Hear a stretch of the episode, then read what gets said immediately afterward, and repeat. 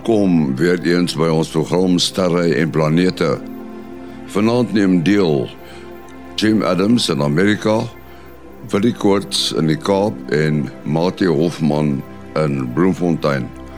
Ons gaan gesels oor hoe die internasionale ruimtestasie afgebring word aarde toe as dit moet gebeur.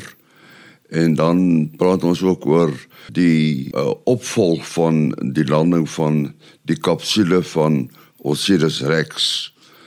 Daar is ook nuus oor die wêreldruimte week. Jim, uh, in this program, we've been speaking a lot of about the Osiris Rex uh, that was completed uh, quite successfully, uh, and it landed in Utah. But, but now, give us an update. What happens now?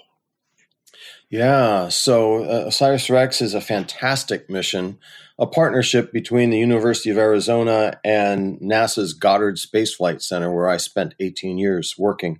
In fact, I was part of the selection team uh, back in uh, May of 2011 when we selected OSIRIS REx to be uh, one of these uh, uh, mid class missions, a New Frontiers class mission. Very, very energetic mission. And I'm, I know you've covered this before, but you know, Osiris Rex went to the asteroid Bennu, had this sample collector called TAGSAM, which stands for Touch and Go Sample Collect Sample Acquisition Mechanism, and and they managed to get over 250 grams of a sample, which at that point in time was a feat because Japan had been to another asteroid, and when they came back and opened up their sample container, there was nothing in it. Osiris Rex learned from that made sure that they knew they had a sample before they came home. And now the shepherding spacecraft, what we call OSIRIS, is uh, dropped off the um, sample container. Didn't the whole mission didn't land, just the container descended through the atmosphere, popped out the parachutes, landed right on the target, and then they removed the uh, the heat shield and then put the sample container um, into the Astromaterials archives at the NASA Johnson Space Center, where it will be cataloged and available to the world's scientists who want samples from it. Um, all, all they would need to do is to um, submit a viable research proposal, and they can get a bit of this this sample um, to help us understand the uh, material that uh, the asteroid Bennu was uh, or was made from.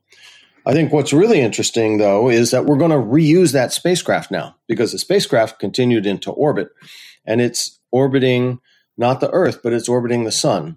And soon enough, uh, in 2029, the asteroid Apophis, which made a big splash back in 2004, uh, when it looked like Apophis might actually hit the Earth. It's a big asteroid. It's 313 meters across, something like that.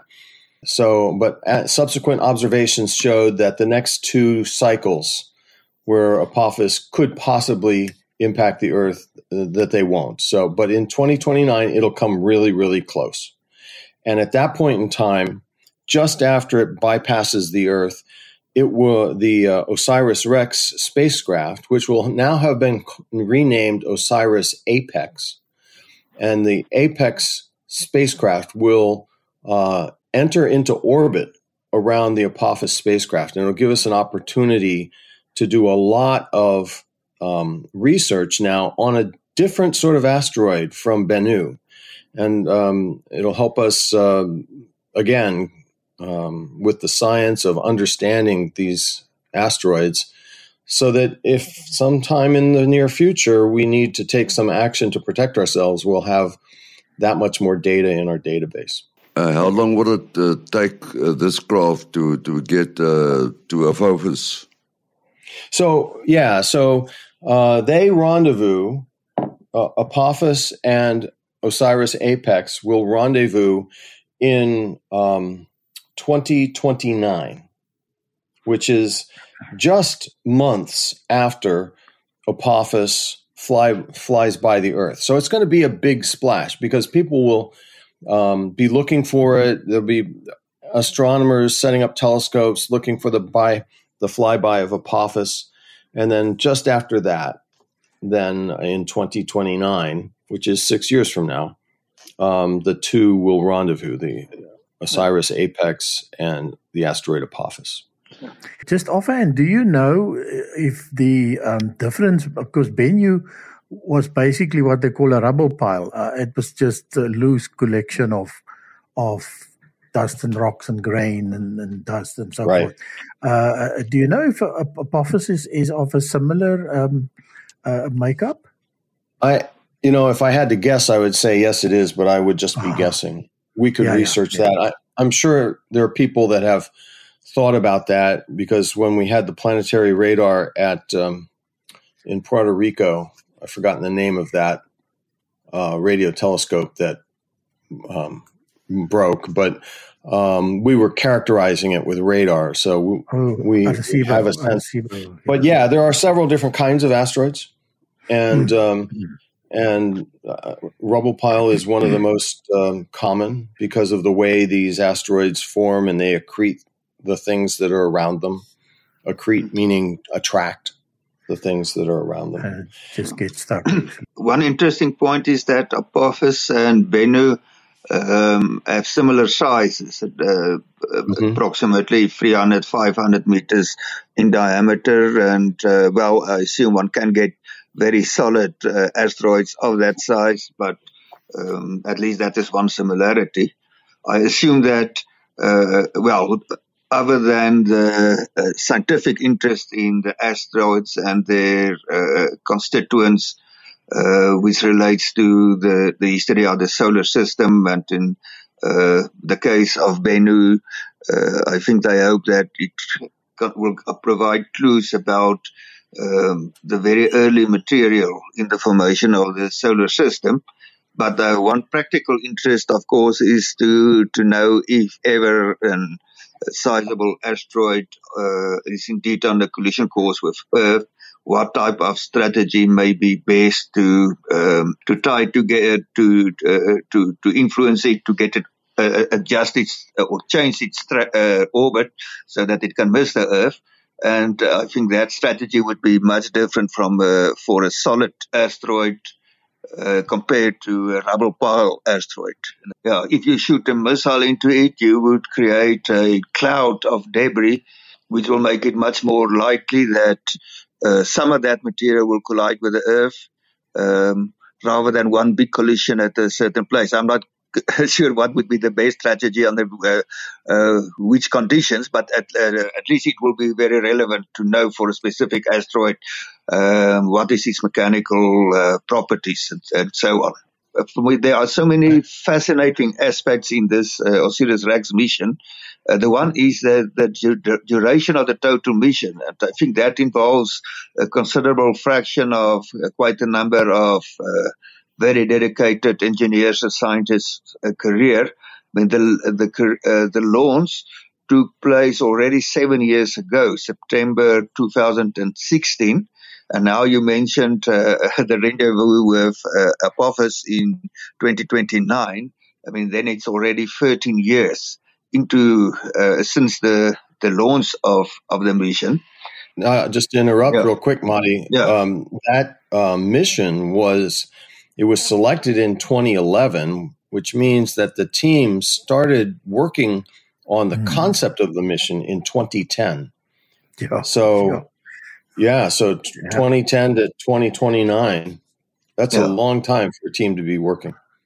Yeah, I'm trying just trying to imagine what type of stress they go through when something on such, on such a time critical uh, rate and schedule takes place like a sample return mission. I mean, there's one opportunity after years of work, and so many things can go wrong. Uh, like you have mentioned with the the Hayabusa sample return, that there was almost no material when they opened uh, uh, opened uh, the sample holder. So I don't know whether they get special treatment for stress, but I, I don't even want to put me into that position. Uh, if one just, it's so fascinating to see the, the whole approach. Of this um, Osiris Rex when it approached Earth. Uh, to, to, give an idea, you have some uh, craft approaching it. I see the, they estimate the, uh, the speed at around 23,000 kilometers an hour. So that is almost seven kilometers a second, which is considerable. So if when you release the that canister or sample holder, um, well, one second corresponds to seven kilometers. And uh, the uncertainty in the landing site, I, I, see they estimated at around 50 kilometers in length and a uh, bit more than 10 kilometers in width. I assume the, the 50 kilometers is in the direction more or less of the flight. But hmm. uh, that whole operation should be, well, uh, excellently planned and the timing should be uh, very, very accurate. Um, I mean, if the time is out with a few seconds, they would land totally uh, outside that zone, which was in the Utah desert, where bystanders could not by accident pick up this very valuable uh, sample holder. Yeah, and as you talk about the stress, the same team of people or, or organizations, like um, NASA Goddard Space Flight Center and Lockheed Martin, early 2000s launched a mission to collect um, samples of the solar wind. And they used the same reentry capsule heat shield and entry mechanism. And uh, unfortunately, the, gen- the Genesis sample, when it came back in the late 2000s or so, they, the parachute didn't open. And they had learned. Oh, no they had and so the thing crashed into the ground and they learned that the uh, gravity sensor that was in the parachute release mechanism had been installed upside down. Oh no. And so so you talk about stress. Don't let that happen again right? Because they're using the same design. And so um, so yeah this time there was a big sigh of relief when um, when those parachutes came out Right. Uh, let's talk about uh, International Space Week, and that's the week that we are in now. What's the significance of this this week, uh, Jim? Well, the United Nations um, every year designates the dates October 4th through the 10th as International, uh, I'm sorry, not International, World Space Week. And the idea is to bring um, positive attention and inspiration to the public about what we're doing uh, with space exploration and about the fact that it's a multi uh, country, multidisciplinary kind of agenda. And um, and so, yeah, South Africa has hosted World Space Week events for many, many years. And uh, this year is no different. Um, both Madi and I uh, are going to be in the Cape Town area. And um, an organization that we know well, FACESA, which stands for Future African Space Explorers STEM Academy. Thank goodness they call it FACESA. They'll they'll be putting on a workshop for uh, kids in partnership with the university in Stellenbosch. Yes, and uh, all the information would be on uh, the the Facebook page. Yeah, we can we can share the the information there. Some people may remember uh, FACESA, just as you say it phonetically. F A S E S A. So the webpage is www.facesa.com. I think easy enough to remember. And there's an, a web address info at facesa.com. Um, but the telephone number and so on, we can share on our uh, Facebook page. Uh, I just want to mention that uh, the FACESA organized Space Week in Stellenbosch in the main engineering building will be from the 4th uh, to the 6th of October. So that's the Wednesday, fr- Thursday, and Friday till about lunchtime.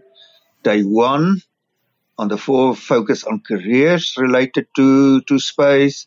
Uh, day two, focus on space science and day three will have a rocket workshop and a rocket launch in collaboration with a private company, which is one of the of the sponsors. And okay, so there will be quite a number of talks and so on. as far as who, how one can attend and uh, what type of bookings may be required, uh, the contact information that I provided and that will also be on our Facebook page um, will be useful. Just a quick question. So, who can attend? Anybody, or you, obviously you must book, but is is is it is it open to the public at, at large? As far as I can see, yeah, because there will be exhibits, there will be talks, and so on. But um, I think it may, uh, will be a good idea. Uh, on a specific brochure, I think that uh, they do not clearly indicate which items are uh, you need pre-booking. Uh, I can, for example, assume for the rocket workshop they can accommodate only a limited number of people, but for the exhibits and the talks, they will be able to accommodate many people. Um, but to inquire is always a good idea. And I'll be giving some uh, talks around Cape Town at the uh, Cape Town Science Center and at the planetarium. Um, the details are still being worked out. Uh, that will all be open to the public as well. We'll be uh, we'll be focusing on uh, space communication and laser com. Yeah, also you, uh, I've noticed you will be give a talk at the workshop uh, of the International Astronomical uh, Union that is uh, organized at the SAAO in Cape Town by the OAD, yeah. the Organization of Astronomy for Development. I've noticed that you also taking care of one of those sessions. Let's uh, turn our attention to the ISS, the International Space Station. We've mentioned this in the past, but uh, the whole question of deorbiting uh, this huge object is, is quite a uh, thing to think about. And I see NASA has uh, announced that they, there are plans how to do it. Can you tell us more about that, Jim?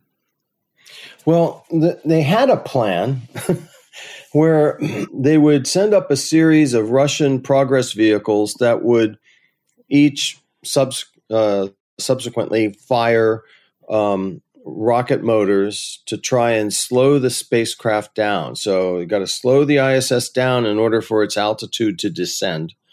Once its altitude descends, then the friction from the upper atmosphere starts to um, slow it down even more and it descends even faster. And ultimately, it enters the atmosphere and it begins to break up and, and, and burn up. Well, most spacecraft do. But the International Space Station is so big and it's made out of so much aluminum structure that um, they expect it, uh, it to um, impact the Earth um, mostly whole. And so uh, we were going to um, plan these burns with the uh, with the progress vehicles in such a way that we would know exactly where it would land. So it would like hopefully in the middle of the Pacific somewhere. But Russia has announced their intention to pull out of the consortium of nations that uh, manage the International Space Station in 2028. And this deorbit won't happen until at least 2030, if not later. So, what NASA did recently was they announced a call for ideas from US companies and others on how best to construct a vehicle that would um, be responsible for going up and slowing the ISS down so that we basically could guide it in safely um, into the Earth. This is also a really important um, thing for Hubble Space Telescope. When the Hubble finally um, reaches the top of the atmosphere on Earth, there is nothing else to reboost it. And so the same sort of concept might be applied to the Hubble Space Telescope. Actually, with the last um, uh, service mission of HST, the, the very last thing they fitted to Hubble was actually a, retro rocket. So that's already got it fitted as, as far as I as I remember. Yeah, that's interesting. I remember looking at the whole manifesto what they were doing. What's also interesting to me is that uh, we were just talking about the Osiris Rex and, and the capsule coming in just basically drop that outside the atmosphere and it just falls in and and the, the whole the whole problem here uh, uh, is that the atmosphere isn't that homogeneous and it's not always the same height and it's got it's got mountains and valleys at the top. So so uh, the predicting exactly where it's going to fall is is is not just a straight simple answer. So it it it, it seems a, it's quite a more more difficult than it seems is that correct? Oh yeah it is. And it's filled with i mean the calculations are filled with you know possible errors not yes. errors in the maths but errors in there's uncertainty as you were saying Matti uh, especially mm. in in how the density of the atmosphere changes with altitude and in fact for um, osiris rex the parachutes opened much earlier than they expected yeah, them to so that yeah. um, and they think that was in large part due to the uncertainty, uh, the differences between the modeled atmospheric density and the density that the spacecraft actually encountered. I'm trying to f- imagine how this whole deorbit maneuver would proceed because the space station is not a compact structure. It fills about a rugby stadium if you include the uh, the big solar panels and it has uh, long components and all a, a, lot of these things connected by various beams and structures. Uh, so if you would uh, attach one um, spacecraft that would fire a rocket uh, and it's connected, say, to the central part of the fire station, ach, not the fire station, the space station, um, uh, it will probably induce a lot of stress between that central structure and all the attached components. The, the rocket fires too strongly. Uh, would it be possible that some of them could uh, break off? Or related to that, once it uh, uh, experience a considerable drag force from the atmosphere, the uh, components like the solar panels will experience much more air resistance than the more aerodynamic uh, components that can possibly cause it to, to break apart. Would that be advantageous if it break apart and the few big components, or would they rather keep everything connected as long as possible? The modelers would prefer the whole thing stay together all the way down, but we uh, we know that that's not possible. Um, not to worry about the the initial impulse that we give to the spacecraft because it is designed to be reboosted and uh, sped up and slowed down by the so- Soviet uh, Progress vehicles. So um, we will we will reduce its um, velocity, which means it will begin to enter the atmosphere, as I described earlier. And then what will happen is pieces of it will start to break off as they begin to burn and as the materials begin to ba- basically melt. And um, uh, and so those pieces will then come in by themselves. And um, there's a very complex uh, code software program that's been developed for such things that that enables them to um, determine what's going to break off first and second and third and how will then those multiple pieces uh, enter the atmosphere and how will they then break up themselves? And so uh, they do that and then they run it again and again and again in sort of a monte carlo kind of an analysis and they set up a zone of probability of impact and um, and that's for not just the core of the International Space Station, but all of the pieces as well. Because then, once that's decided, on the day that it happens, they have to clear that area of shipping traffic and pleasure boats and you know airlines have to stay out of that zone while this mm-hmm. um, this all this debris is descending. It will be quite a spectacle for people that might be close enough, which may not be very safe, but for those who are close enough to see such an enormous structure burn up in the atmosphere.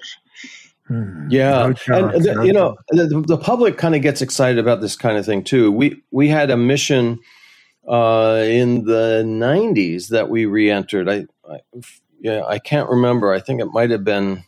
Well, I can't remember the name of the mission, but it was it was so massive that we were pretty certain that aside from the solar arrays, the whole thing was going to enter as one big chunk.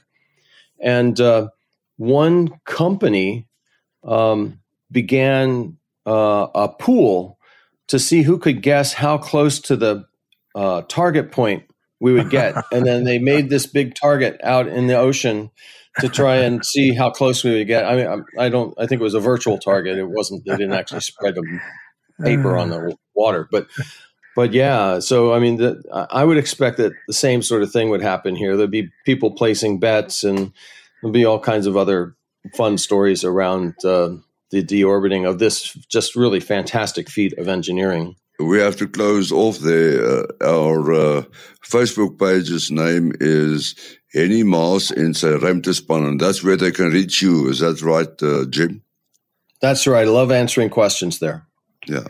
Right. What are your uh, particulars? Uh ja, mense kan maar WhatsApp verkieslik 0724579208.